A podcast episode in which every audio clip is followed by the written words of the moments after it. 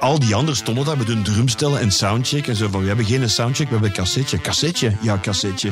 En een saxofoon. En jij statief nodig? Nee, ik heb geen statief nodig. Ik zing in de spot. Ik ben Annelies Orie en binnenkort presenteer ik samen met Stijn Meuris de New Wave 100. Die lijst van de beste New Wave platen aller tijden hoor je op vrijdag 17 november op Willy.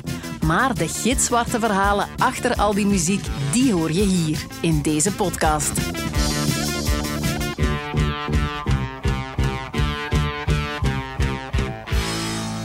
We zitten in de volle voorbereiding van de New Wave 100. Dat is onze lijst van de beste New Wave nummers aller tijden. En elk jaar denk ik weer, uh, in die New Wave, daar zit iets in. Misschien iets meer dan in andere genres, want dat doet iets met mensen. Daar is iets mee. Ik ben geboren in 1985, dus ja, het ontstaan van de New Wave heb Mhm. ik al helemaal gemist. Ehm, en ja, die andere helft van de jaren 80, ja, daar was ik ook niet helemaal bewust bij. Hè. Maar jij wel, Marcel van Tilt. Mhm. Ehm, als het over New Wave gaat, dan gaan die ogen van u zo altijd net iets meer blinken. Ehm, ik weet dat jij niet zo houdt van nostalgie, maar toch gebeurt er ook met jou iets als het gaat over New Wave, heb ik de indruk. Ja, maar dat komt, dat komt door die jaren 70. Ik, ik was een tiener in de jaren 70. Ik was 15 jaar toen mijn pa stierf in 1973. Wat had je dan? Je had, dat zijn de eindjaren van de hippies. Crosby, Stills, Nash Young en Woodstock. En daar komt dan opeens Bowie en Lou Reed. En daar was het dan. En dat zakte dan zo... Ja, dat zakte zo wat weg in het midden van de jaren 70. Dus je had zo van die supergroepen, de Rolling Stones nog altijd, en Boston, en de Eagles, en zo van man, man, man, man, man. Maar dat vond jij niet zo goed dus. Maar dat was allemaal heel serieus. En Bruce Springsteen begon en dat was allemaal zo... Oh god, en dat was allemaal zo ver. Die mensen konden allemaal zo goed spelen en die hadden allemaal zo grote wereldtournees. De muziek, ik vond de muziek eigenlijk redelijk saai. Maar dan kom je dus in het midden van de jaren 70, 75, 76 en dan vooral 77... de Ramones in New York... Dat is het begin van punk. Die was een klein beetje bezig al met de New York Dolls en zo. Daar komt meteen de Sex Pistols achter en nog een aantal bands. Dus punk was opeens luide gitaren, heel snel gespeeld. En tegelijkertijd was er Talking Heads. En dat is ook 76, 77. En de platenbaas van Talking Heads, die zei: Ik wil jullie op de radio hebben in New York. Maar punk spelen ze niet, want dat is gevaarlijk. Dat woord punk wil zeggen uitschot, krapul, eh, het tuig van de richel. Dat willen ze niet horen op de, op de Willys van die tijd in New York, de Willy-radio's. Dus die platenbaas heeft gezegd: Jullie spelen geen punk, Talking Heads. Mijn band Talking Heads is New Wave. En eh, Malcolm McLaren, voor alle duidelijkheid van Sex en de Sex Pistols en de Shop met Vivian Westwood, had die term ook al gelanceerd om naast die nieuwe garde, die zich afzetten tegen al die David Bowie's en, en de Bostons en de Deep Purples van het begin van de jaren 70, had je dus de gitaar eh, snelle jongens, de punkers, en daarnaast had je dan de meer intellectuele, eh, ja, bedachte muziek zoals Talking Heads en Blondie en Television. En dat kwam tegelijkertijd. En dat was ook mijn, mijn, eh, ja, mijn adolescentie. Dus daarom schitteren mijn ogen. Maar het was ook, en dat kan je nu bewijzen... het aantal platen dat er in 1977 zijn uitgekomen... die zijn allemaal geniaal goed. Elvis Costello noem ik ook New Wave. Dat hoort daar dus ook Ja, bij. want daar wordt soms over gediscussieerd. Waar trek jij de lijn? Ja, daar, toen was er geen lijn. Ik wil zeggen, eh Ming DeVille was ook New Wave. En ja, Television, Television staat waarschijnlijk toch niet in de lijst van de New Wave 100, denk ik. Ik weet het niet in mijn hoofd, maar... ik denk Ah. het niet, omdat men dat nu gewoon als een rockgroep beschouwt. Ja, de Scabs bijvoorbeeld staan er wel in. Maar dat is Al gewoon een elk rockgroep, jaar. snap en je? ik Maar heb dat- die ook altijd Ja. als rockgroep geweten, maar die staan wel in de New Wave 100. Wat er gebeurd is met die term van New Wave, dus een, een nouvelle vague, een, een nieuwe golf, eh, tweede helft van de jaren 70, één punk, twee New Wave, nieuwe moderne muziek die niet gebaseerd is op Americana en de Eagles en dat soort van nostalgie uit Amerika, maar een nieuw soort muziek met jonge mensen die eigenlijk ook niet zo goed eh, hun instrumenten bespeelden. Maar net daarom, ja, maar dat was ook eigenlijk bijna een vereiste van iedereen mag spelen. Dus dat was, dat was heel goed. Maar die term New Wave is dan in de jaren tachtig meer geëvolueerd naar uh, de beperking. Ik vind dat geen beperking, maar laten we zeggen, Front 242 was daar heel belangrijk in. Ja. Electronic body music. En opeens werd dat alleen maar new wave. Costello viel af. terwijl die eigenlijk, hij was erbij van het begin. Hij is, ooit bij ons bij, Ja. binnen is gekomen, dan zaten we eigenlijk al bij de, bij de EBM, denk ik inderdaad. Ja, en dat heeft dan, het imago van New Wave was dat. En dat is dan ook eh Siglo XX en Nitzer App. Het werd alleen maar dat. En nu is het ook vaak nog dat. En ik vind ook, ja, als je onze New Wave 100 ziet, eigenlijk moet, moet Talking Heads in de top 10 staan. Want het waren bij de eerste en television ook. En die staan er ja, ergens in, maar heel ver weg. Maar dus die term New Wave, als ik het goed begrepen heb, hebben wij te danken aan de platenbaas van Talking Heads. Ja, en ook aan Malcolm McLaren, die duidelijk het verschil zag tussen de punk van de Sex Pistols en, en de andere eh, muziek die iets meer elektronica was, zoals The Normal. Dat vind ik echt new wave. TVOD. TVOD. TVOD. TVOD. TVOD. TVOD. TVOD. TVOD. TVOD. I don't need a TV screen. I just stick the aerial into my skin and let the signal run through my veins. TVOD. Nu, jij maakt eigenlijk zelf deel uit van de New Wave scene op den duur. Ja. Hè? Als we het hebben over jouw Ja. eigen groep, Arbeid Adel, dat wordt ook gezien als echt New Wave, toch? En ik denk dat dat ook wel klopte, omdat het, waren, het was een muziekgroepje eh, gemaakt door mensen die geen muzikant waren. Ik ben dat nog steeds niet. Maar die wel in een studio binnengingen en de pretentie hadden om te zeggen: wij kunnen met de kleine mogelijkheden er nu zijn, want die, die uitvinding van de goedkope synthesizer was, is de stimulans, de hefboom geweest om. Dan moest je helemaal geen akkoorden meer kunnen spelen op een piano of een gitaar. Je duwde gewoon op knoppen en er kwam. En dat is Gary Newman. Panaan, heel simpel, maar wel geniale melodieën. Dus wij pasten daar zeker ook in. Ehm, en ja, ik denk zelfs meer, omdat wij hadden echt alleen maar ehm, ja, de Roland 808 Rhythmbox, de bassline basmachine en dan stem en saxofoon. Dat is eigenlijk pure new wave, ja.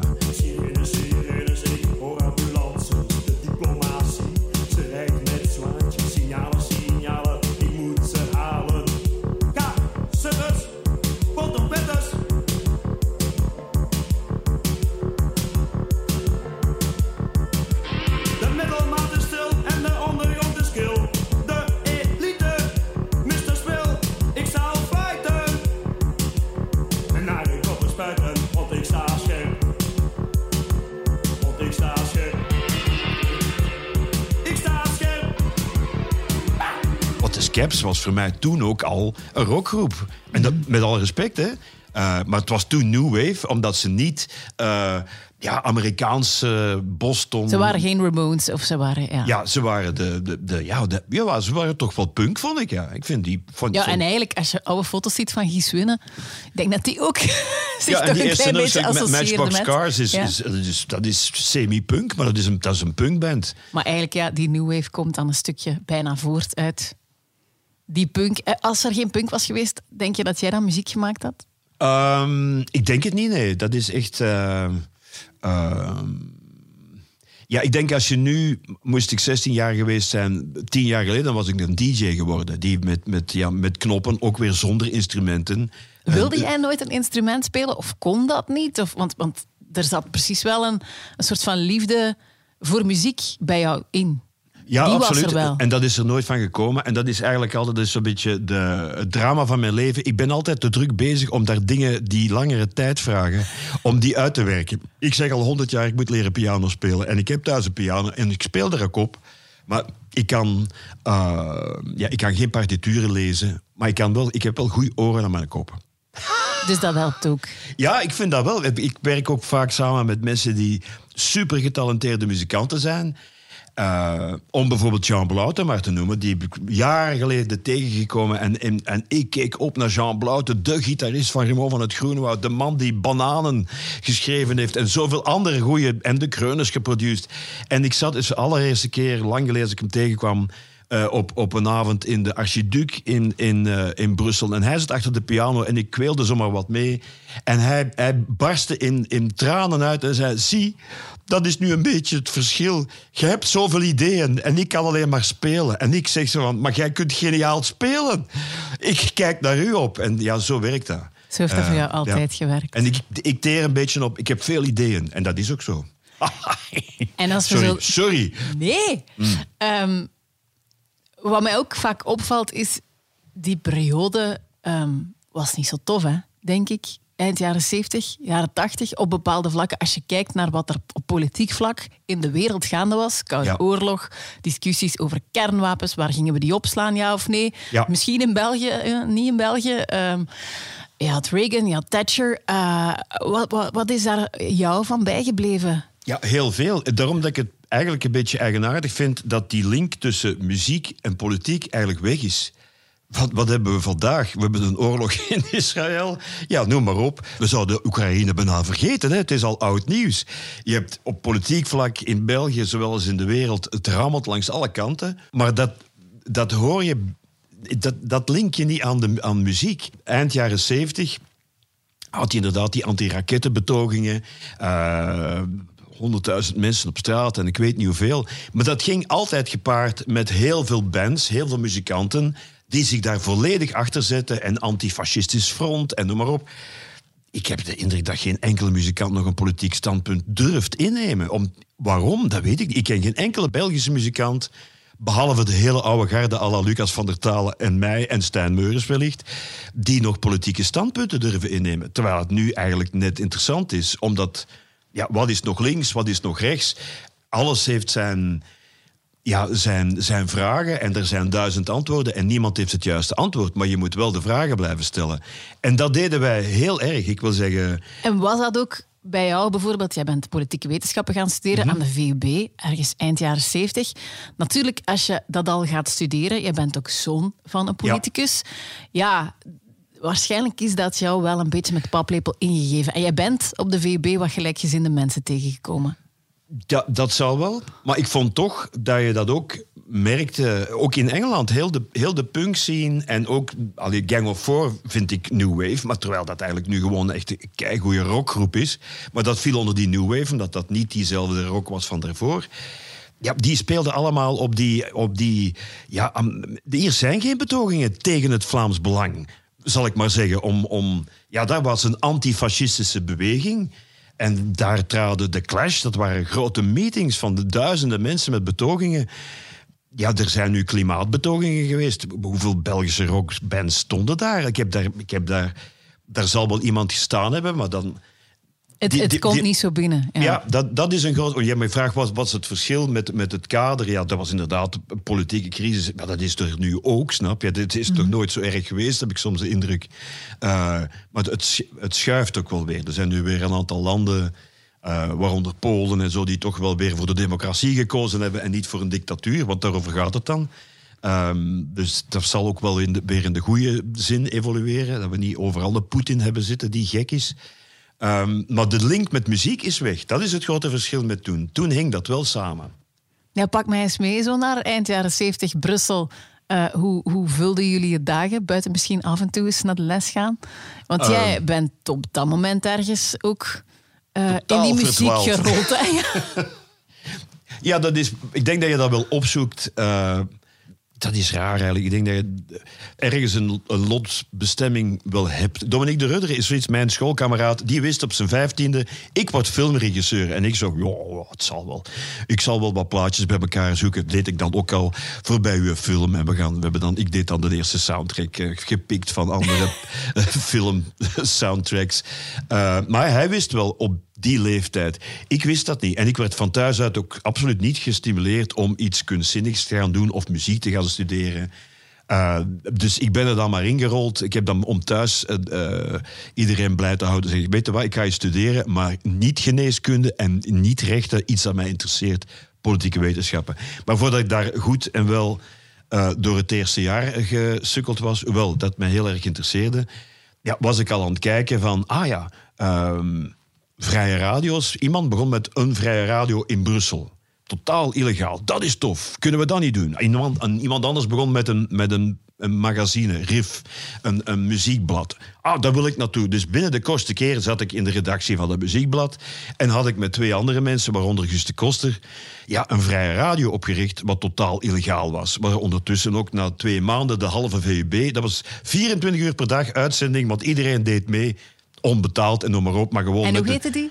eh, dat was FM Brussel. Dat heette Toen eerst al. Ja, Radio ja, dat. Kapitaal. Jij hebt en dan, eigenlijk mee opgestart, ja. En dat is dan FM Brussel, zoals dat nu is, natuurlijk allee, iets, iets groter. is wel, wel iets moois zo, in- op de erfenis. ja, Zo, hè? ehm, ja dat, dat is daar waar die televisieserie 1985 ook over ging, wat dat is met FM Brussel, het vrije radiostation in de achtergrond.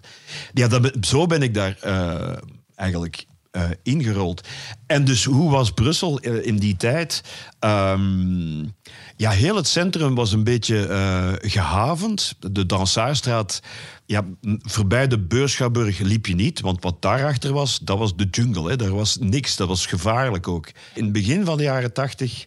Ja, dan liepen wij, als we uitgingen, tussen de DNA, de AB, de Archiduc eh, en nog twee cafés Want daarachter. ja, de archiduc ligt op de Dansara, Ja. maar nog redelijk vooraan. Redelijk vooraan. Hoe gevaarlijk was dat? Wel, in, in de... Wacht, ik heb in, in de Van Arteveldestraat, dus daar om de hoek, heb ik, heb ik daar toch een jaar of vier gewoond.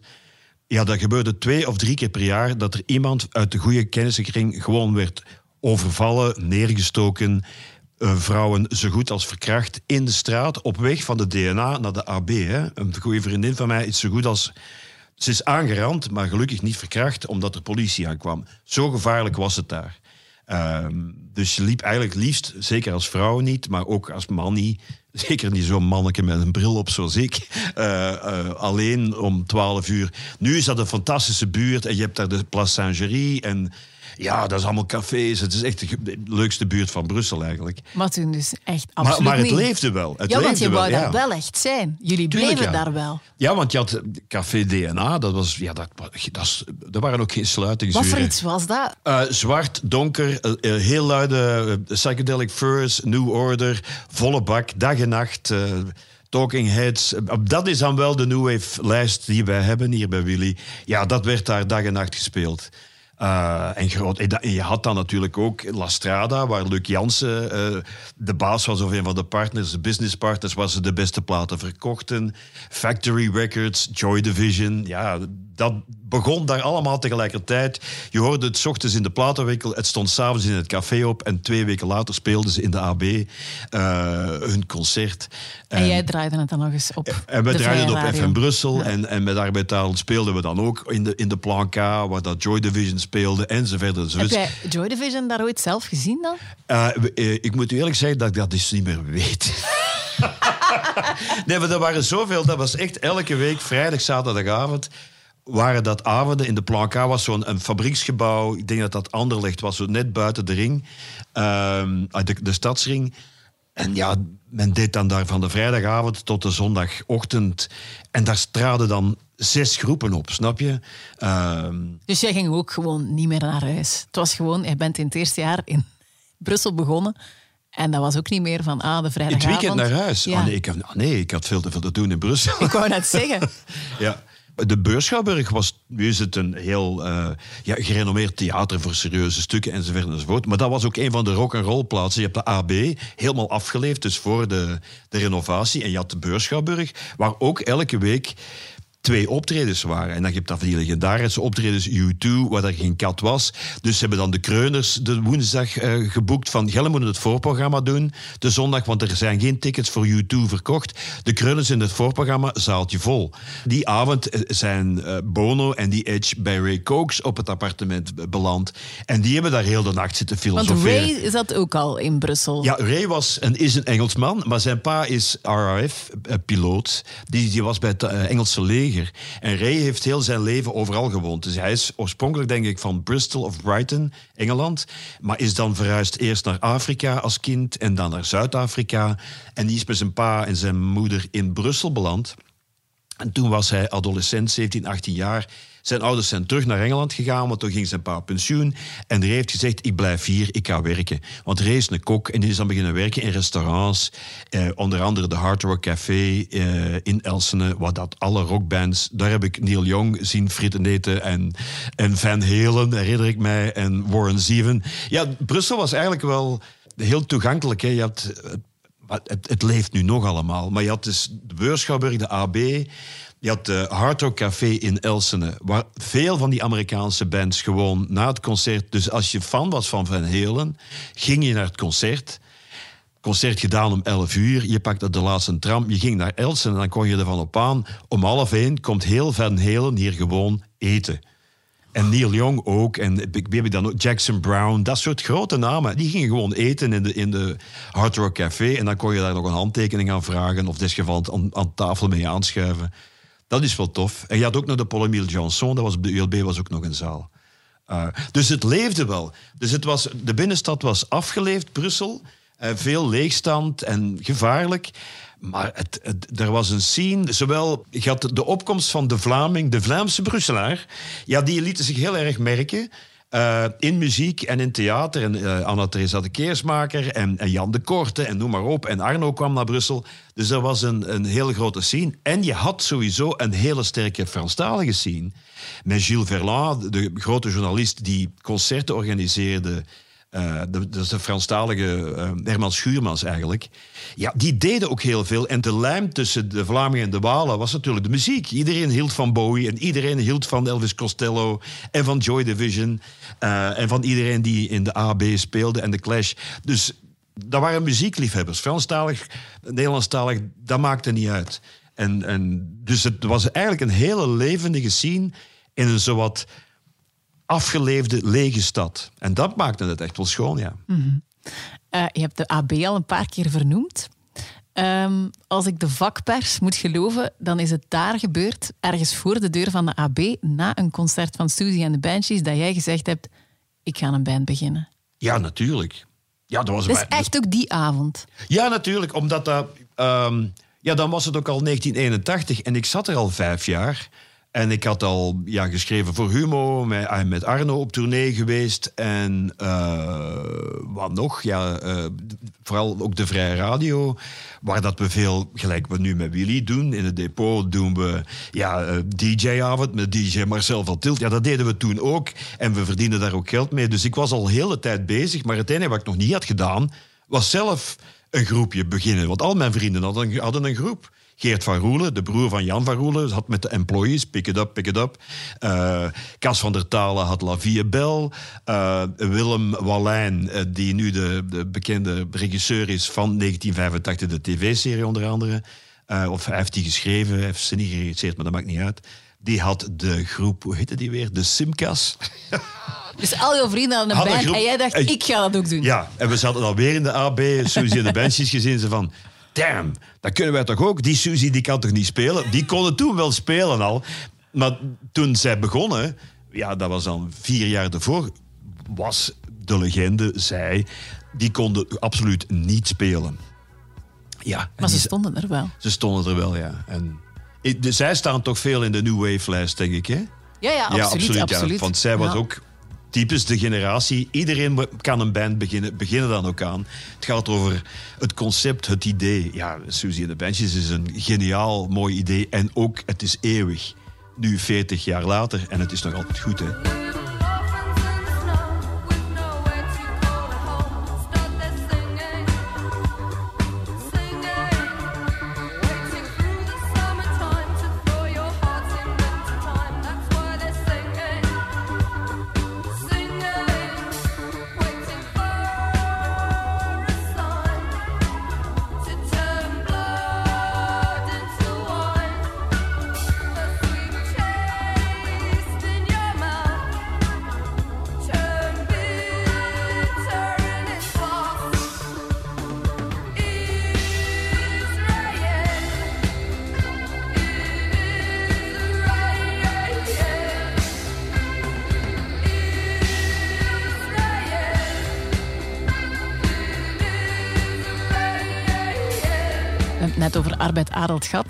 Ik was zo aan het kijken van wat heeft die Marcel van Tilt inderdaad allemaal uitgestoken in de jaren 70 en 80. Er is één ding waar hij niet zoveel zin in had, dat eigenlijk wel moest. En dat was naar het leger gaan. Ja, dat was het probleem, hè. Eh, Want voor- ik vroeg aan jou eh, hiervoor, en Marcel, je hebt ook nog op de rits gezeten. Hè? Hij zei, niet echt. Nee, nee, ik ben, ik ben nooit in het rits geweest. Ik zat op de VUB en dan... Ja, ik was bezig, radio, eh, humo, optredens. Ehm, en ik wist, ja, ik ga me niet opnieuw inschrijven. Want het was toen de... Ja, er zijn betogingen geweest. Opeens was het 10.000 frank inschrijvingsgeld. En ja, ik wou niet dat mijn moeder dat nog eens betaalde. Dus ik heb tegen mijn ma gezegd, kijk, ik ben geld aan het verdienen, laat het maar. Dus het, het inschrijvingsgeld van UNIF ging eigenlijk ineens serieus omhoog. ging serieus omhoog. Dus ik, ik had ook geen tijd meer naar, om naar de NIF te gaan. Dus ik heb tegen mijn ma gezegd, kijk, je moet dat niet meer doen. Je moet dat niet betalen. Ik zorg wel voor mijn eigen kost. Ah ja, jong, en dan gaat dat dan doen? Ja, ik zie dat wel. Maar je moet toch naar het leger? Ja, maar ik vind wel een oplossing. En dan wist ik, omdat ik veel mensen kende uit de filmschool, uit Rits... eh, dat het inschrijvingsgeld er maar 500 frank was. Dat is een groot verschil tussen 10.000 en 500. Dat is een groot En- verschil, ja. 500 frank, of is dat 12,50 euro? Dus het inschrijvingsgeld was ofwel 250 euro voor de universiteit of 12,50 euro voor de filmschool. Ik dacht, ja, 12,50 euro, dat kan ik nog betalen. Dus ik heb me ingeschreven, maar ik ben daar nooit geweest. En dan tweede jaar nog eens ingeschreven. Dus ik heb dat nog drie jaar kunnen trekken. Dus en dan was heeft de school... als je Ja. studeerde, dan moest je niet naar het leger. Zolang je Ja, studeerde, dan kreeg je een briefje dat je student waart. En dan kon je dan naar het leger sturen. En dan werd je dus niet opgeroepen. Eh, dat heb ik dan drie jaar volgehouden. En in het derde jaar hebben ze dan een brief gestuurd van het RIS naar mijn adres. Ik woonde alleen. Beste ouders, gezien uw zoon nooit aanwezig is op de les, kunnen we hem het volgend jaar niet meer aanvaarden als ingeschreven student. Vriendelijke groeten, de directie. En ik dacht, goed dat mijn ma dat niet leest. Want, ik, want die wist natuurlijk van niks. Ehm, en ja, dan ben ik naar het leger gemoeten. Ehm, en, dat was dik tegen jouw goesting. Ah, natuurlijk, jij. Maar daar heb je ook weer iets op gevonden. Ehm, ja, ze hebben mij afgekeurd wegens mijn mentale toestand. Hè. Ja, jij moet mij hier niet eh, bespottelijk maken, hè, juffrouw. Maar waarom dat ik dat eigenlijk wil horen, dat verhaal, dat is omdat je daar ook weer een New Wave-icoon bent tegengekomen. Wat was er precies gebeurd? Ja, dat was bij mij helemaal niks. Enfin, ik vind dat er met alle andere mensen iets is. Ik ben, ik ben perfect, normaal. Al die anderen, die zijn gek.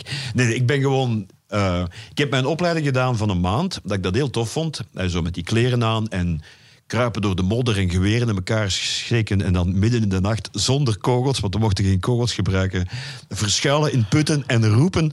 Bang! Echt, echt! Het, is- ik, I kid you not. Pang, moesten we zeggen. Ah ja. Ja, en dan, dan moest je dan ook zeggen, ah ja, je hebt mij laten verschieten, ik ben eraan, dus hier, hier eigenlijk de oefening. Pang, echt waar. Maar dat vond ik heel tof. Ehm, maar dan na een maand steken ze natuurlijk voor de rest van dat jaar eh, ja, in uw functie. In mijn functie was op een kantoor zitten op het Klein Kasteeltje, wat nu het eh, asielopvangcentrum is. Daar zaten wij inderdaad beneden ook, maar wij vingen daar de nieuwe recruten op. Eh, om zeven uur s ochtends, maar dat was om negen uur gedaan. En de rest van de dag moest je daar gewoon zitten tot vijf uur namiddags. En wat die andere jongens deden, die gingen gewoon om tien uur in de refter beginnen met het drinken van heel veel glazen bier. En ik dacht na twee dagen, maar ik kan geen tien maanden aan een stuk glazen bier zitten drinken. Ik heb wel wat beters te doen. En ik ben niet meer teruggegaan. En dan ben je deserteur. En dan hebben ze mij komen halen bij mij thuis met de, met de militaire politie. En hebben ze mij in het zothuis gestoken. En daar heb ik nog twee weken gezeten en hebben ze me afgekeurd. Maar in het zothuis, en ik lach er niet mee, dat is trouwens vlakbij de studio's van Willy hier op de ring van Brussel. Dat is het Nederover Heembeek ziekenhuis. Daar zit ook de psy- psy- psy- psychiatrische afdeling van het Belgische leger. Daar steken ze u in een verdiep zonder klinken eh, en met alleen maar sluisdeuren achter slot en grendel. Met allemaal andere gekken, daar zat ik dus. Eh, allemaal mensen die echt sociaal, eh, heel erg depressief waren. eh, of die zo shellshock hadden. Dus dan mensen die dicht bij een kanon hadden gestaan. En die hun hersenen door elkaar gerammeld waren. Die dus gewoon tegen de kasten aanliepen. En de meeste van die mensen waren zwaar alcoholiekers. Dus die, ja, in het leger werd er gedronken. Dus dat was een heel leuk eh, eh, omgeving waar ik twee weken heb vastgezeten. Maar een van de laatste dagen komt daar dus Richard Vintroy van Fronto Fortou binnen. Maar ja, ik zat ook in, die, in de Brusselse scene. Wij kenden elkaar. Zo van, die Richard zag mij op de gang en die, zo direct, die keek direct naar beneden. Ik heb je niet gezien. Tu m'as pas vu. hè? En wij hebben daar dus echt een paar dagen bij elkaar gezeten. Hij en een andere hoek, zo knipoogend. Alles goed, oui, tout va bien. Oh, ta gueule, ta gueule. Maar hij En zat hij is- daar om dezelfde reden Om dezelfde jij. reden. En hij is ook afgekeurd, ja. ja. En dan waren jullie blij, want het leger was gedaan. Ja, en dus dan, dan word je dus... eh dan waren toch jongens genoeg, snap je? Iedereen moest, alle jongens moesten dus... eh ehm, daar konden wel een paar eh, allee, afgekeurde vanaf. En ik ben al afgekeurd wegens eh, mentale instabiliteit. Ik geloof eh, eh, Suicidal Tendencies. Dat is een band, ja. Ja, ik Een wou net punkband, zeggen. Ja, ja. Die zullen waarschijnlijk ook afgekeurd geweest zijn. Zelfmoordneigingen is dat eigenlijk, hè? Ja. Ja. Maar daar ben ik bijna vanaf. Jij hebt daarnet ook nog gezegd, ja, ik ging dan al mee op tour met, met Arno. Ehm Tissimatics zit ook altijd in een New Wave 100, maar daar wordt ook soms over gediscussieerd. Is dat nu New Wave, ja of nee? Maar natuurlijk wel, omdat dat totaal anders was dan de rock die Remo van het Groenewoud speelde. Of Machiavel, wat echt zo klassieke rock was. Dat was experimenteler, dat was hoekiger. De helft van de Vlaamse pers vond Tissimatic man niks. Die van, dat is, toch, dat is toch niet Bruce Springsteen, dat is rock. Jackson dus op dat Brown. moment, want Ja. wij vinden Arno nu allemaal fantastisch. Begin jaren niet hoor. Ja, de muziekliefhebber wel. En in Brussel vond iedereen dat heel goed. En in, in veel andere steden ook. Maar ook voor, de, voor ja, welke radio zou dat spelen? Studio Brussel bestond ook nog maar net. En die zijn later begonnen, denk ik. Ja. Eh, dus alleen Guus de Koster op uh, woensdagnamiddag speelde dat. Iemand anders speelde dat niet. De vrije radio's wel, ja. Tissimatic was sowieso New Wave, ja.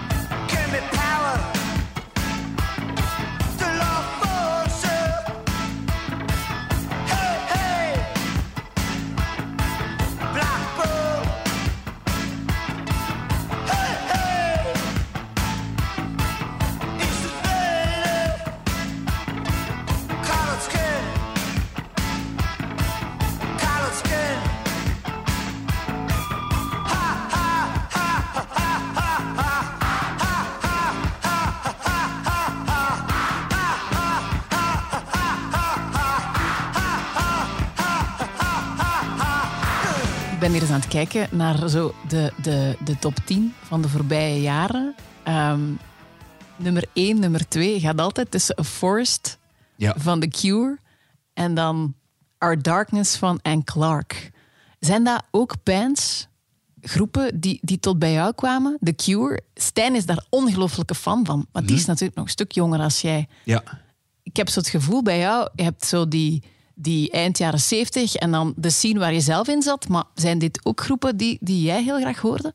Maar The Cure is absoluut new wave. Ik heb The Cure gezien in Bilzen. hè. Dat was 1977. 76 of 77. Het zal 77 geweest. Dus speelden die vroeg op de namiddag.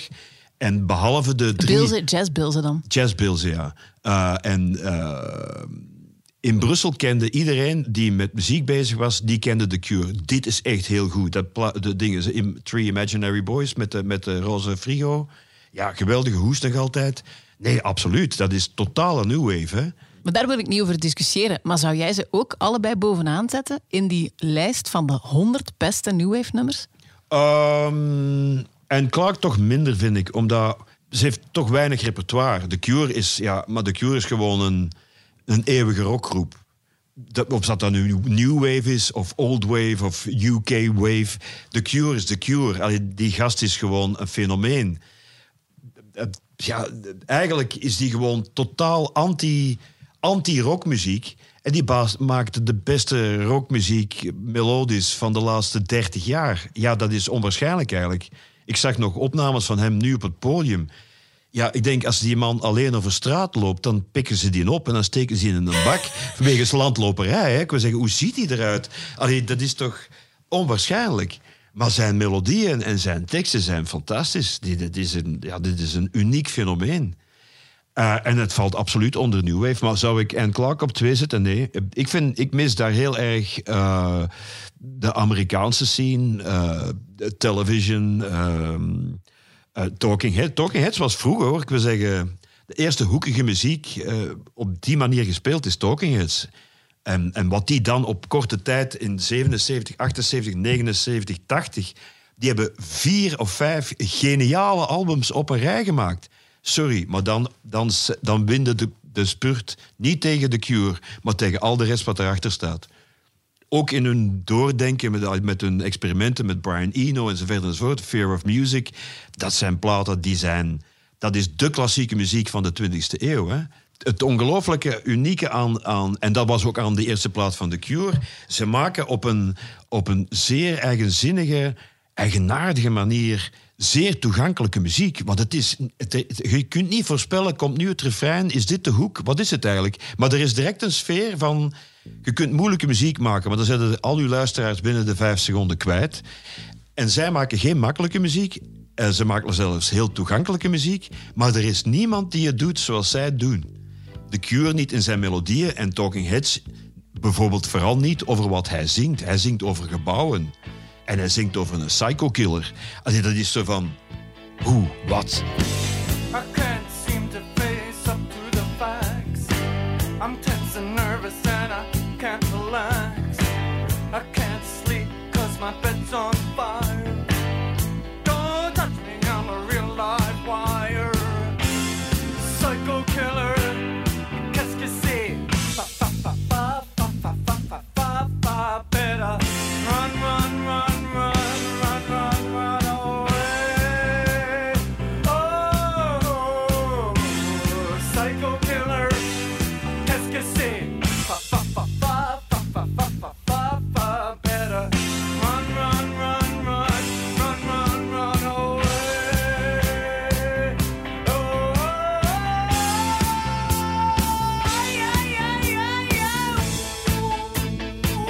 Zo anders dan al hetgeen wat daarvoor was, wat zo de traditionele poëzie was, wat Bruce Springsteen. Daarom dat ik geen fan ben van Bruce Springsteen, omdat ik het allemaal zo...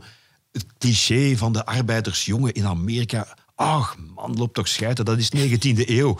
Dat is echt... Dat is zo ouderwets, dat is romantisch. De romantische schilderkunst is 19e eeuws. Talking Heads, The Cure, Gang of Four, dat is echt 20e eeuws. En daarom zijn zij uniek. Eh, Dat is wat jij eigenlijk ook probeerde te doen met Arbeid Adelt. Hè? Ja, en Tegen dan- draads en dan nog in het Nederlands. Ja, ik vind, ja, je moet iets doen. Ik vind, ik vind dat het eigenlijk eh, ehm, geen enkel nut heeft om trachten te doen wat iemand anders al doet. En dus ook met de Willy Band on tour, dat is het verst dat ik wil gaan. Want ik ben tegen balorkesten, maar de sfeer daar zit zo goed. En de keuze van het repertoire is totaal anders dan wat andere tribute bands doen. Wij doen een soort Voor van... mensen die het nog nooit gezien hebben, ja, leg nog eens even ja, uit. omdat wat- we, we spelen zowel The Cure, Fountains DC, als Garbage, als PJ Iggy Pop, Harvey, ja. PJ Harvey. Dus dat vind ik een hele fijne potpourri, om eens een echte rotwoord te gebruiken. Maar het is een hele fijne potpourri. En, en we spelen het eh, zonder pretentie, maar wel met heel, heel veel liefde voor, voor die nummers en voor de muziek. En niemand van de zangers en ook van de band eh, heeft... heeft eh, eh, ja, het- lef om te zeggen, we zijn beter dan het origineel. Maar ze spelen het wel met zoveel goede en, en, en correcte overgaven dat het, dat het impact heeft. En dat vind ik mooi. Het is heel eerlijk. Had de Marcel van Tilt van de, de jaren tachtig dat ook gedaan, denk je? Of was die echt nog te hard bezig van, jongens, ik ga echt iets anders, anders doen. Want dat springt er wel uit, hè? de man Ja. die alles noteert. Eh, een nummer in het Latijn, capita selecta. Ja, ja, dat is schunnige pornografie. Dat is schunnige, schunnige pornografie. Ja, is er geen schunnige pornografie. De Latijnse pornografie is dat eigenlijk. Hè. Ehm, ook in die periode, eind jaren 70, Raymond van het Groenewoud... die eh, heeft zijn eh, begin jaren 70 periode gehad toen hij begon. Hè, met, want hij speelde eerst bij Verminden en zo heel braaf. Laat me in de achtergrond. Ja, ja, ja, dat is kleinkunst. Oké, maar had zijn tijd gehad. Raymond wou iets meer rock zijn. Bracht zijn eerste plaat uit met Blake Lena en, en Maria, Maria, ik hou van jou. Dat speelde hij zijn set. En dan ging hij even eh, pauze pakken. En dan speelde hij nog eens een uur tot soms twee uur alleen maar covers. En dat was allemaal eh, Lou Reed, The Kings, The Rolling Stones. En dat was keigoed. Ik heb dat vijf, zes keer gezien. De Kreuners deden net hetzelfde. We hebben die geboekt in het café Leopoldsburg. Ook toen, 78 of zoiets. En die speelden eerst drie kwartier hun eigen liedjes, die nie- niemand kende. Zij heeft stijl. Hè. Is nummer één. Dan gingen die hun een bak bier opdrinken. Dat stond contractueel in hun eh, contract. Eén bak bier voor de kreuners en 5000 frank. En dan speelden die nog eens een uur met allemaal covers van de, van, van de Kings en de Yardbirds en noem maar op. Dus ik heb niks tegen coverbands. Maar het moet met guts en stamina en grinta gebracht worden. Over die bak bieren gesproken. eh, jullie hadden ook de gewoonte met Arbeid Adelt hè, om jullie te laten betalen in bier en flessen wijn. Ja, nog altijd. nee, nee, we worden betaald. En dan vragen we op de rider eh, eh, goede, goede witte wijn, goede rode wijn. En, Hoe en- ging dat destijds? Ehm, ja, toen... ehm, onze eerste periode was dus 80, 81, 82. En dan zijn Willy, Willy en Danny Klein erbij gekomen. Ja, en toen eh, 83, 84, 85 zal tot en met 86, denk ik. Ja, dat waren wel de hoogdagen van de belpop. Wij speelden echt ja, minstens tien keer per maand. Ook nog in Nederland. Dus dat was soms 10, 15 keer per maand. Elke week dus één tot twee keer.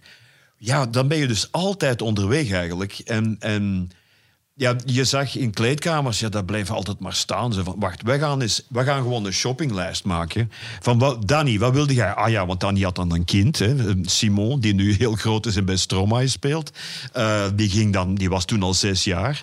Die kwam mee naar optredens. Eh, en eh, ja, wat moet jij hebben? Ja, ik heb ja, voor mij, bij mij thuis, ik had graag twee witte broden en zes, zes flessen witte melk.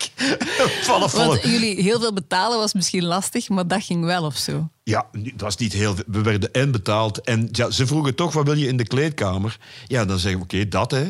En dat was dan witte wijn, rode wijn. En wij namen alles mee. Je, je, je, je dronk in zes liter wijn voor eh, zes liter eh, melk. En jouw appartement geraakte ook nog ingericht. Ja, en we pikten dan ook de meubels mee. Hè. Mijn laatste appartement, enfin, voordat ik naar Londen ben gegaan, daar stond inderdaad eh, de livingtafels, eh, waar, die kwamen van de Lokerse feesten. Met nogmaals dank aan de Lokerse feesten. Eh, dat waren van, ja, van die backstage mooie plooitafels. En ik dacht, ja, we waren, hadden dus een grote camionet. Zo van, oh, die mannen daar eens in de gaten. Hé, hey, moet ik eens iets vragen? Je pakte die weg. Klap, klap, klap, poem. Twee tafels van achter in de camionet, nog zeven stoelen. En dan ja, bloempotten, eh, vazen, bestek ook, hè, alle bestek.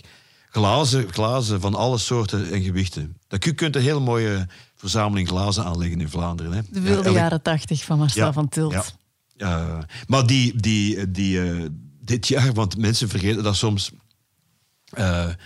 Omdat ze daar eigenlijk geen rekening... We, hebben nu veel festivals gespeeld en zo. Ja, je bent er altijd goed verzorgd. Dus ze doen dat niet meer. Maar we hebben toch nog wel twee of drie keren gehad. Onder andere een van de laatste keren, dat was tof. Met veel dank aan de mensen in Waasmunster. Die hadden die eh, oude rider echt volledig, volledig klaarstaan. Dat wil zeggen... eh, ongeveer drie liter vers gesneden fruit klaar op tafel. Eh, eh, twee, nee, wacht, vier liter verse melk. eh, zes, zes flessen witte Chablis van een bepaald jaar. Zes flessen rode Chaumont. Hoe het weer? Dat stond allemaal klaar. En ja, eh, wij kwamen daartoe van... Verdomme, die hebben dat gewoon echt... Die hebben dat gedaan gewoon. hebben dat gedaan.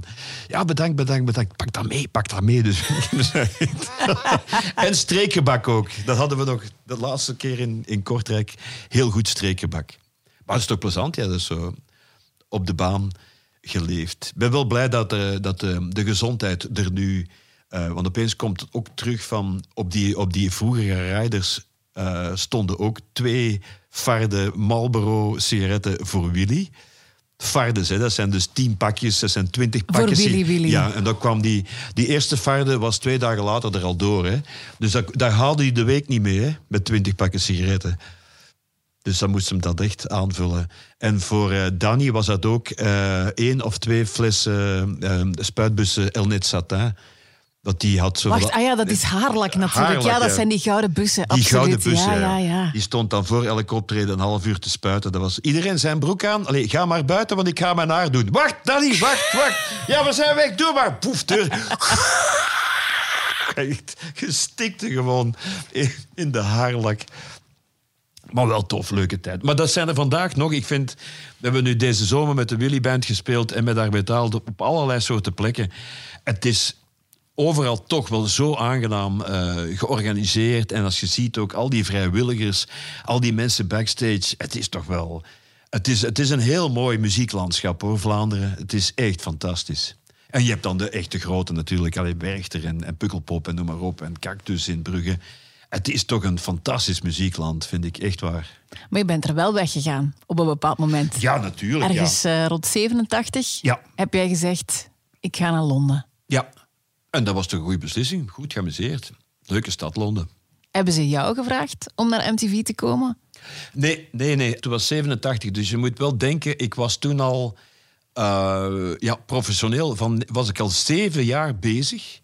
Dus eerst wat schrijven voor de, voor de, voor de Humo en, en optredens, lichtman, klankman, eh, pff, radio-dj, eh, weet ik nog allemaal. Dan ook voor, de, voor VRT2. Ik heb nog kleine rubriekjes Ah ja, gemaakt voor Luc. ja. Ja, met Omroep Brabant. Ik heb met Luc Jansen nog een klein rubriekje in zijn programma gehad. Met Guus de Koster. Eh, met Bart Peters televisie gedaan. Villa Tempo, de Hermannen. Dus dat was zo van, ja, pff, kunt hier wel eeuwig blijven kloten, maar dat gaat hier niet vooruit. Eh, ja, ik ben nog jong, hè, 29, ik ben weg. En ik ben gewoon weggegaan. Eh, ik ben altijd wel iets, iets van berekend, omdat ik dacht, ja, als ik nou... Parijs of Amsterdam interesseerde me absoluut niet. Ik dacht van, dat zijn echt... Om, allee, wij kwamen ook vaak in Amsterdam, omdat we veel speelden in Nederland. Zo van, hier wonen alleen maar Hollanders. ja, dat was heel... In, in Parijs heb ik hetzelfde. Die Fransen kennen alleen Fransen. En Franse cultuur en Franse muziek en Frans... Ze van, ja, maar je bent een wereldstad. En in Londen, Londen is een wereldstad. Ten eerste hebben ze een heel groot koloniaal verleden. Dat zit daar. Indiërs, eh, eh, ja, eh, heel de Caraïbes daar, Jamaica. Ja, dat is een hele mix van muziek en culturen en kleding en, en restaurants die veel wereldlijker is dan Parijs of dan, dan Amsterdam, vond ik toch toen. Maar ze hebben me niet gevraagd. Dus ik ben echt gewoon op Google naar daar gedaan. in de hoop van, ja, ik kan daar altijd wel mensen interviewen. Dat verkoop ik dan wel aan, aan de Humo. En we zien wel waarvan ik leef. En dan ja, ben ik, eh, net voordat ik vertrok, op, in, in de DNA iemand tegengekomen die zei van, ja, ze zoeken mensen. In een café in Brussel nog. In dat café in Brussel. En ja, op een bierkarton een adres. En dan met een telefoonnummer gebeld naar Londen. En gezegd van, oh ja, but you, you're too late. But anyway, send us a cassette. We'll mail you. Nee, mail you. We'll, we'll call you. Ja, mailen bestond niet eens. En dan heb ik een cassetje gemaakt. En dan twee weken later kreeg ik het bericht, ja, je kom maar af voor een auditie. En dan ben ik gegaan, ja. En dat was zo slecht. Ja, ik ben niet gewend om Engels te spreken. Eh, en dan hebben ze mij toch aangenomen. En voilà, kijk. En die MTV-carrière die begon. Ja, leuk toch? We hebben het daar nog niet over gehad. Jij, jij versprak je net. Ze zei, toen gingen ze mij mailen. Ehm, Ja. maar jong zijn in de jaren 70, 80 wilde zeggen... Als iemand zei, daarom zo laat zijn... Dan moest je daar gewoon zijn. ik denk daar vaak aan. Van, eh, de stress die je nu hebt, dat je op 88 manieren kan en zult bereikt moeten worden. En dat je dan ook op minstens 17 van die 88 mails of manieren waarop men u bereikt zult moeten gaan antwoorden. Of zijt ja, ten dode opgeschreven of een etter of asociaal. Ja, dat was toen niet. En toch deed, deed ik evenveel als nu. Ja, dat, dat was een, een aantal efficiënte telefoons per dag. Dat je zegt, oké, eh, ik had een kantoortje in mijn appartement. Ja, dat was me, en ja, dan belde ik, denk ik, elke dag een uur of twee naar mensen die moesten gebeld worden. Nou ja, wa- waar zijn de optredens? Het boekingsagent, ja, volgende week in Tiene en de dag erop in Aarschot. En, en eh, komt dan, ja, schrijf dat op. En die, die stuurde dat dan. Nee, dat was vlakbij in Brussel. Dus ik ging dat gewoon afhalen, de wegbeschrijving, de pla- plakken van Aarschot. Hier de kerk, tweede straat rechts, daar. Met een telefoonnummer. Maar hij is er nooit voor zeven uur s'avonds. Ja, en dat ging toch. Ehm, of eh, wat ik wel toch een, een hele so- eh, iets sociaal vind, is dat je dus in het centrum van Brussel Stel, je wil mensen zien, dan ga je gewoon naar de DNA, snap je? Om acht uur s'avonds. Want die mensen zitten daar.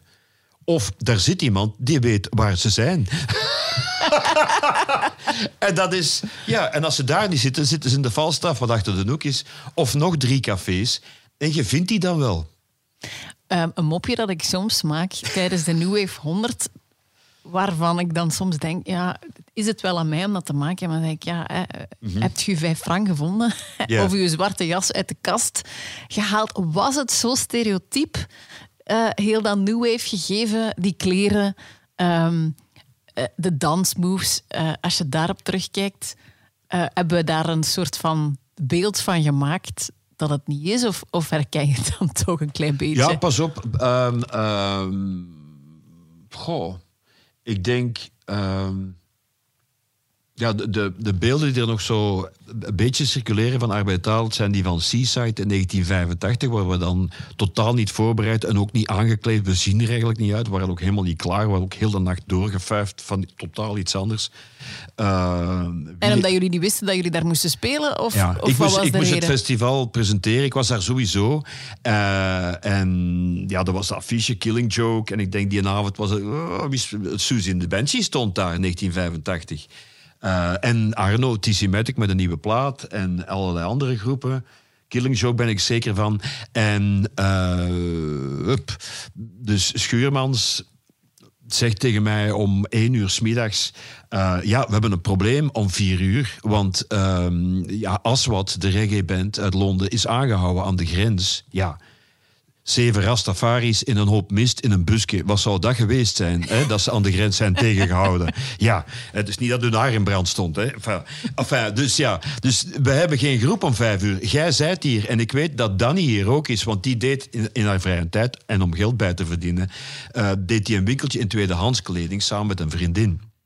Ik zeg, ja, Danny is hier en ik denk dat Willy daar ook ligt. Want we zijn de hele nacht uitgegaan.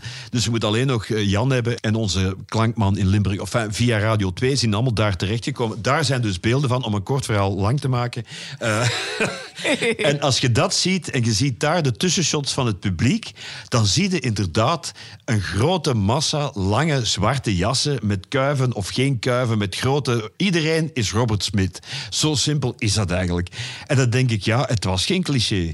Maar daar wa- de helft van het publiek ging ook buiten het festivalterrein, plooide zijn jas op in zijn rugzak, smeerde zijn schmink uit en ging heel braaf als een scoutsjongen terug naar huis, denk ik. Denk je? Ah, ja, ja, oké. Ja. Ja. Zoveel zag je er in het straatbeeld ook niet lopen. Ja. Maar op zo'n festival praat- kwam dat allemaal Ja, samen en mocht het tuurlijk, net ja. iets extremer. Maar dat ja. is zoals mensen zich aankleden voor Tomorrowland. Ja, zo lopen ze ook niet in de week op straat. Maar ja, jullie in Brussel, jullie moesten niet naar huis, niet naar mama. Ja, dus wij liepen wel zo rond. Ja, al mijn kleren kwamen van de, van de, van de, van de Voddenmarkt, van de Marché Opus. Die lange leren jassen en zo. Ja, dat was allemaal voor 20 of 30 frank. Een halve euro. Kun je je dat voorstellen? Ik kocht het hemd. Hè. En bretellen van de brandweer heb ik heel veel gedraaid. Bretellen van de brandweer. Ja, van die mooie grijze bretellen. Er stond van achterop brandweer. Ja, die deden dat dan weg en dan kochten dat echt voor 10 frank op de markt. Ben je ook echt ook even in die punk, punk eh, dresscode meegegaan? Of is Ja, het ben- meteen wel bij jou ook richting dat zwarte en die new wave gegaan? Ja, maar dat hing wel samen. Hè. Bij de, bij de punk-outfit had wat meer te maken met leren vesten met, met toespelden op. En eh, zo ben ik ook wel begonnen, want mijn eerste groepje, de Horribles, was een punkgroep. Ja, ja, als je daar een foto van ziet, dan heb ik een lange regenjas aan met heel veel buttons op en de sticker van het jaar van het dorp op mijn rug. Ehm, maar dat new wavers en punkers, dat, dat mocht naast elkaar bestaan Absoluut, wel? ja, absoluut. Dat, dit, Nee. die wel. Tuurlijk wel. Ja, dus als ik draaide in, laten we zeggen, in 77, 78 in Brussel. Want we organiseerden allemaal zelf, maar er waren geen punkclubs. Dus je moest dat allemaal zelf doen. Maar dat ging. Je organiseerde gewoon een vijf, je huurde een zaaltje voor duizend frank. En dan, ja, eh, bier was zoveel voor de, voor, de, eh, voor de uitbater en de rest was voor u. Dan kon je dat doen met een kleine groep mensen. En dan draaide... eh, op zo'n avond draait je dan zowel Sex and Drugs and Rock and Roll van Ian Jury. Dat is ook Stiff Records. Is dat punk? Is dat new wave? Dat was hip, dat hoorde erbij. En dan draaide je Wire daarachter. En dan de Sex Pistols en de Ramones en zo. Vijf, vijf punkplaten, want langer hielden die gasten dat ook niet vol. En dan was er zo de mid- mid-tempo dingen, zoals Susie en de Banshees. Eh, en wat ik ook altijd new wave vind, is krachtwerk, hè? Ja, over die Duitse Ja, scene wou ik het inderdaad ook Ja, nog wel Maar eens die zijn ja. veel ouder, snapte? Die waren al bezig van in 73. Maar dat waren wel de trendsetters. En die zijn de voorlopers van de electronic body music. Geen Front 242 zonder krachtwerk. Dus als je mij ooit misschien in de loop van deze avond of dit programma naar een top 3 gaat vragen, dan wil ik krachtwerk in mijn top 3 van New Wave. Want zij hebben de basis gelegd van al de elektronica die daarachter komt. Van, Ja, van, OMD zegt ook van zonder krachtwerk. Voilà. Dat is alle, alle eh, elektronen. Dus Gary Newman, eh, OMD, Tubeway Army, Human League, noem ze maar op. Eh, dat zijn er heel veel. Hè. Dat is allemaal krachtwerk eigenlijk. Ze hebben hun eigen ding daarmee gedaan. En ze hebben hun eigen merites, absoluut. Hè. Maar ik vind dus, dat draaide ik ook op, op New Wave 5. Ja, dat is krachtwerk.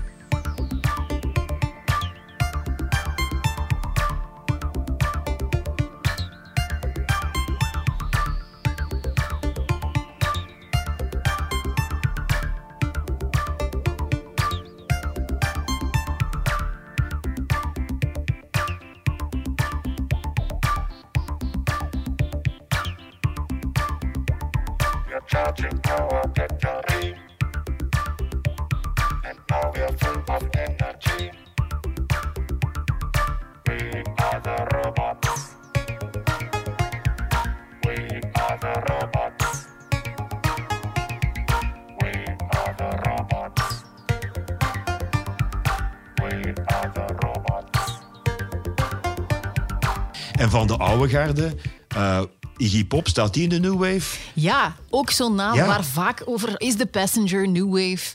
Maar dat Eh. is toch de hit, een van de hits op New Wave 5. Dat met de Residents, met ta ta ta ta ta ta ta ta ta ta ta. Ja, maar de Residents is een kunstformatie die experimentelen met moderne hedendaagse muziek.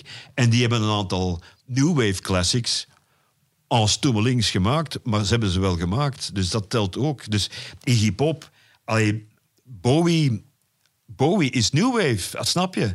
Maar je moet natuurlijk niet Let's Dance, dat is te commercieel. Maar ik vind dat wel geweldig goed.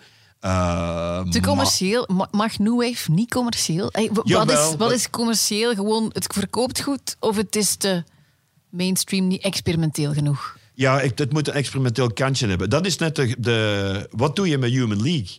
Snapte? Die zijn commercieel tot en met... Maar toch vind ik dat nog altijd een groep die niet is zoals anderen en heel erg zijn eigen identiteit heeft. Met die stem en met die soort eh, melodieuze dingen.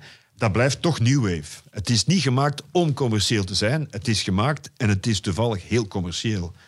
Kijk, Fat Gadget staat niet in, in, in, in, in de algemene top 100 van, van mainstream radio. Human League wel. Ja, dan denk ik, maar Fat Gadget vind ik even goed, zo niet beter dan, dan Human League. Maar het is dezelfde, dezelfde straat. Hè? Ja. Ehm, waar we het nog niet over gehad hebben, eigenlijk is ja, al veel over de muziek. We hebben het nu net eindelijk over de kleren gehad, over hoe Ja. jullie erbij liepen. Maar wat dat ook heel spectaculair was, als ik beelden terugzie en als ik verhalen hoor vooral, is de acts. Daar Ja. gebeurde wel iets op die podia. Hè? Ja. Er is Ah. ergens een nummer, Lady Shave, eh, Ja. waar dat dan de berichtjes van binnenkomen. Ik heb dat gezien en Ja. die pakte echt Ja. een scheermachine en die ging iets doen. Dat was ook wel New Wave, heb ik begrepen. Dat is niet Bruce Springsteen, die ik dit jaar op TV die Classic scheert heb zich niet gezien. op het podium. Hè? Nee, Hij ik- zou ik- het beter doen. is er een verschil tussen de stem van Bruce Springsteen en zijn scheerapparaat?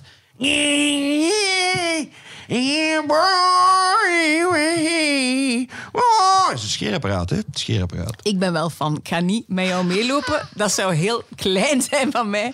Maar die act, I'm boring in the USA, denk ik altijd. Wat zegt u? die act, dat was toch wel... Jij ook in jouw clips. Eh, ze mogen er eigenlijk nog altijd zijn, die van Arbeid Adelt. Ja, en ook op podium. Misschien ook dat we toen ook weer opvielen. Dat was zo... eh, Ik herinner mij dat wij meededen aan, aan de Rock Rally. Eh, en dat was in de Beurschouwburg, preselectie in de Beurschouwburg. Toen, ja, we hadden ons ingeschreven en dan brachten we dat eerste singeltje uit. En dan was ze van, we hebben er helemaal geen tijd meer voor, die Rock Rally. Wat is dat nu allemaal? We hebben Ik sta scherp was de eerste ja, single. hè. 17 optredens volgende week. We dan fucking Beurschouwburg. Dan daar gaan discussiëren met die mensen van, Humo- van Humo. Kunnen wij niet vroeger optreden? Want we hebben straks nog een optreden. Wie denkt er wel dat je alles hebt? Enfin, en ook daarvan, ja, al die anderen stonden daar met hun drumstellen en soundcheck. En zo van, we hebben geen soundcheck, we hebben een cassetje. Cassetje? Ja, cassetje. En een saxofoon. Heb jij statief nodig? Nee, ik heb geen statief nodig. Ik zing in de spot. Wat zeg jij? Ik zing in de spot. Hoe bedoel jij? Ja, ik, zeg, ik pak die spot, ik steek mijn micro daarin en ik zing daarin, want dan ben ik heel een tijd en ik moet alle licht uitdoen. Gewoon die spot. Ja, dat was dan speciaal, hè. Dat vonden ze heel speciaal. Maar ik dacht, dat is een goed concept. En ons allereerste optreden van Arbeid Adelt in september 1980 of 1981 zal dat geweest zijn. Ik zou denken 81, omdat 81. overal staat ze zijn in 81 Ja, begonnen. dan is het misschien- 81. Misschien, Ja. Nee, nee, dat klopt, 81. Was dus, ja, ehm, met Fat Gadget eh, na ons. Hè. Er was een festival in Alsenberg, waren verschillende groepen. Department S, Is Vic There en Fat Gadget. En ook daar deed hij Lady Shave. Hij smeerde zich in met, eh, met eh, scheerschuim en nam dan een scheermes. En begon zich te scheren. En iedereen stond al met grote ogen te wachten. Wanneer gaat op zich af? Nee, nee. En hij wacht dan nog even aan. En dan opeens sneed hem zich en dan liep dat bloed zo in dat scheerschuim. Wat een prachtig visueel effect was natuurlijk. Hè.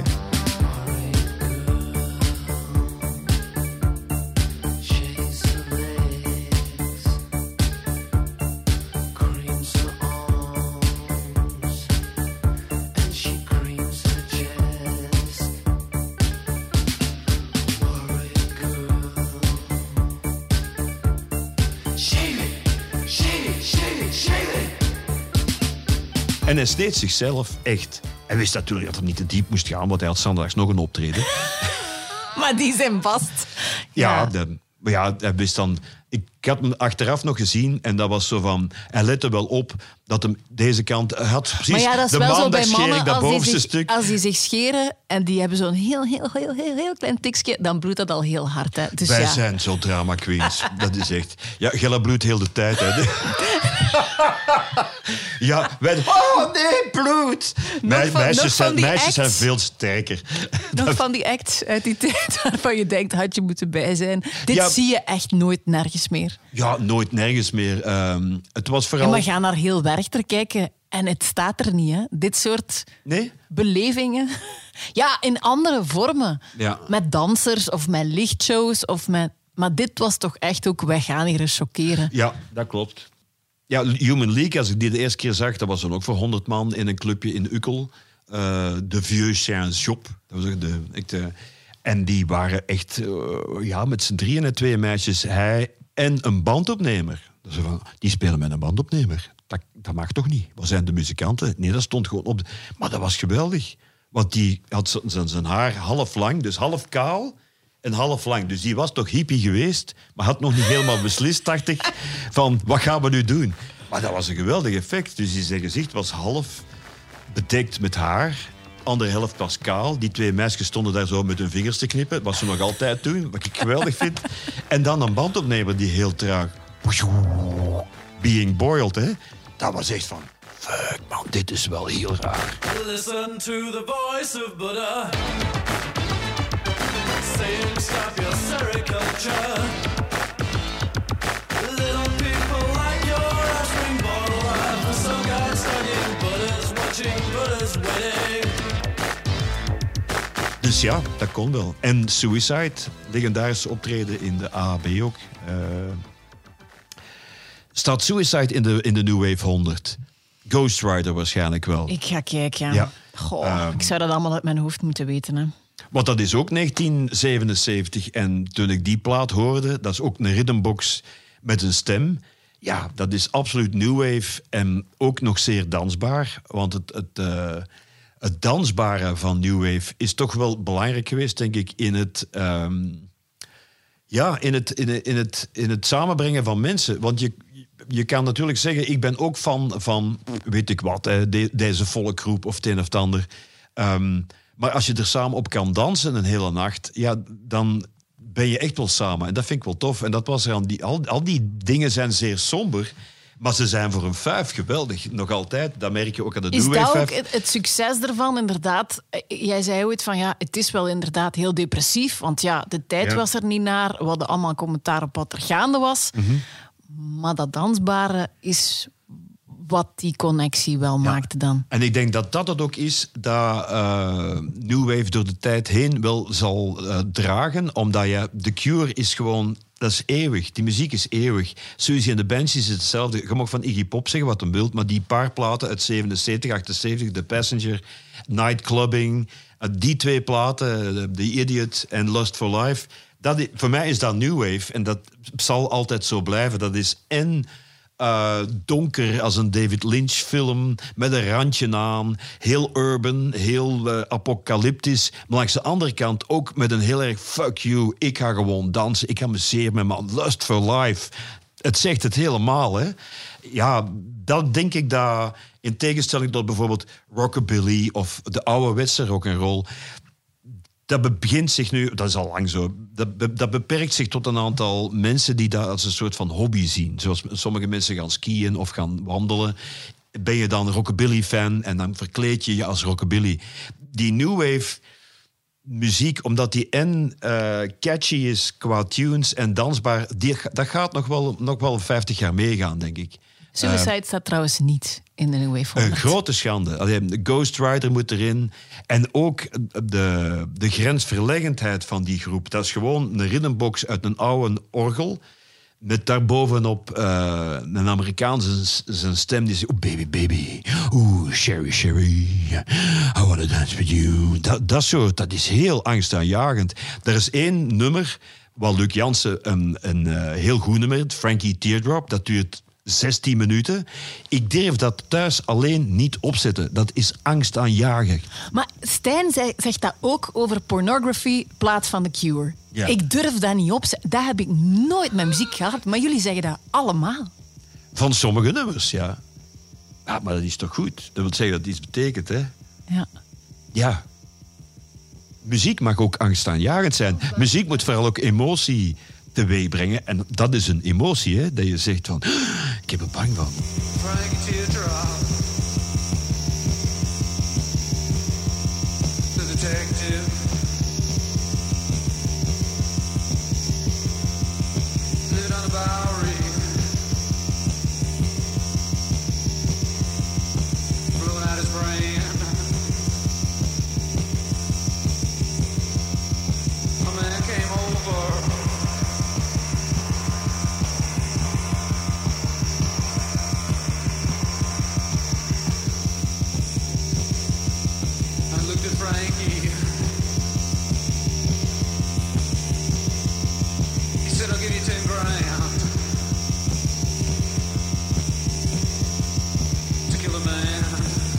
Hoor jij nu nog bands waarvan je zegt, dat is New Wave, dat komt daaruit voort, die hebben zich daar naast Whispering Suns...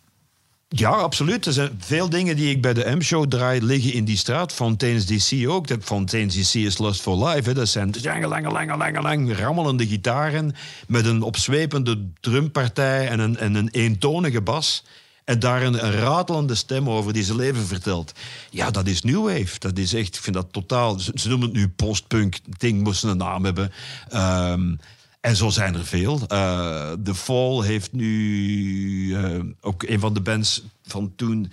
Oh, damn, ik nu schiet me de naam niet te binnen. Eh The House of All heet het nu. Ja, dat is. Dat is De band heet nu The House of ja, All. ja, omdat de, de zanger dood is. Eh, ehm, nee, ik hoor heel veel. Dus heel uh, dus heel veel bands in New York die echt zo terugklinken. Zoals uh, ja, Talking Heads en, en, en uh, Television in het eind van de jaren zeventig. Klinken. Het is, het is een manier om, om, om rockmuziek te maken. En ik, ik vind het een heel aantrekkelijke manier. Omdat het het is een beetje gelijk een art movie. Hè? Het gaat ook over gevoelens, en, maar het heeft zo nog een, er is zo'n nog een dimensietje meer aan. Van, het is niet zwart of wit.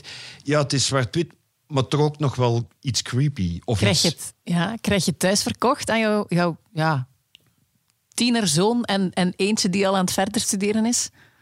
Uh, ik krijg thuis niks verkocht, maar ehm, mijn jongste zoon die communiceert niet over muziek, maar ik merk heel goed aan zijn gezicht dat ehm, ja, hij sommige dingen echt heel goed vindt. als je naar de M-show luistert, soms zet ik dat een dag nadien op om gewoon eens te checken, werkte die volgorde, waren mijn, waren mijn teksten goed? En ook omdat ik mezelf zo graag bezig hoor. Nee, is helemaal niet. Puur, louter professioneel, even checken of het goed zit. Die en dan zie ik, toch, "Ah, wat was dit? Wat wa-" dan zie ik hem toch kijken van, ah, dit vind je dan wel goed? Ja, dat vond ik wel tof, ja. En ik laat hem ook veel dingen horen. Dat ik, ah, vind je dat goed? Moet je misschien dit eens horen. Hij heeft een hekel aan Blondie. Waarom, dat weet ik niet. Maar dat komt omdat zijn moeder dat altijd in de auto opzet.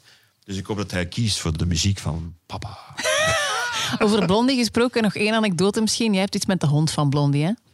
Met de hond van Blondie. Ja, ik ben met de hond van Blondie op tournee geweest.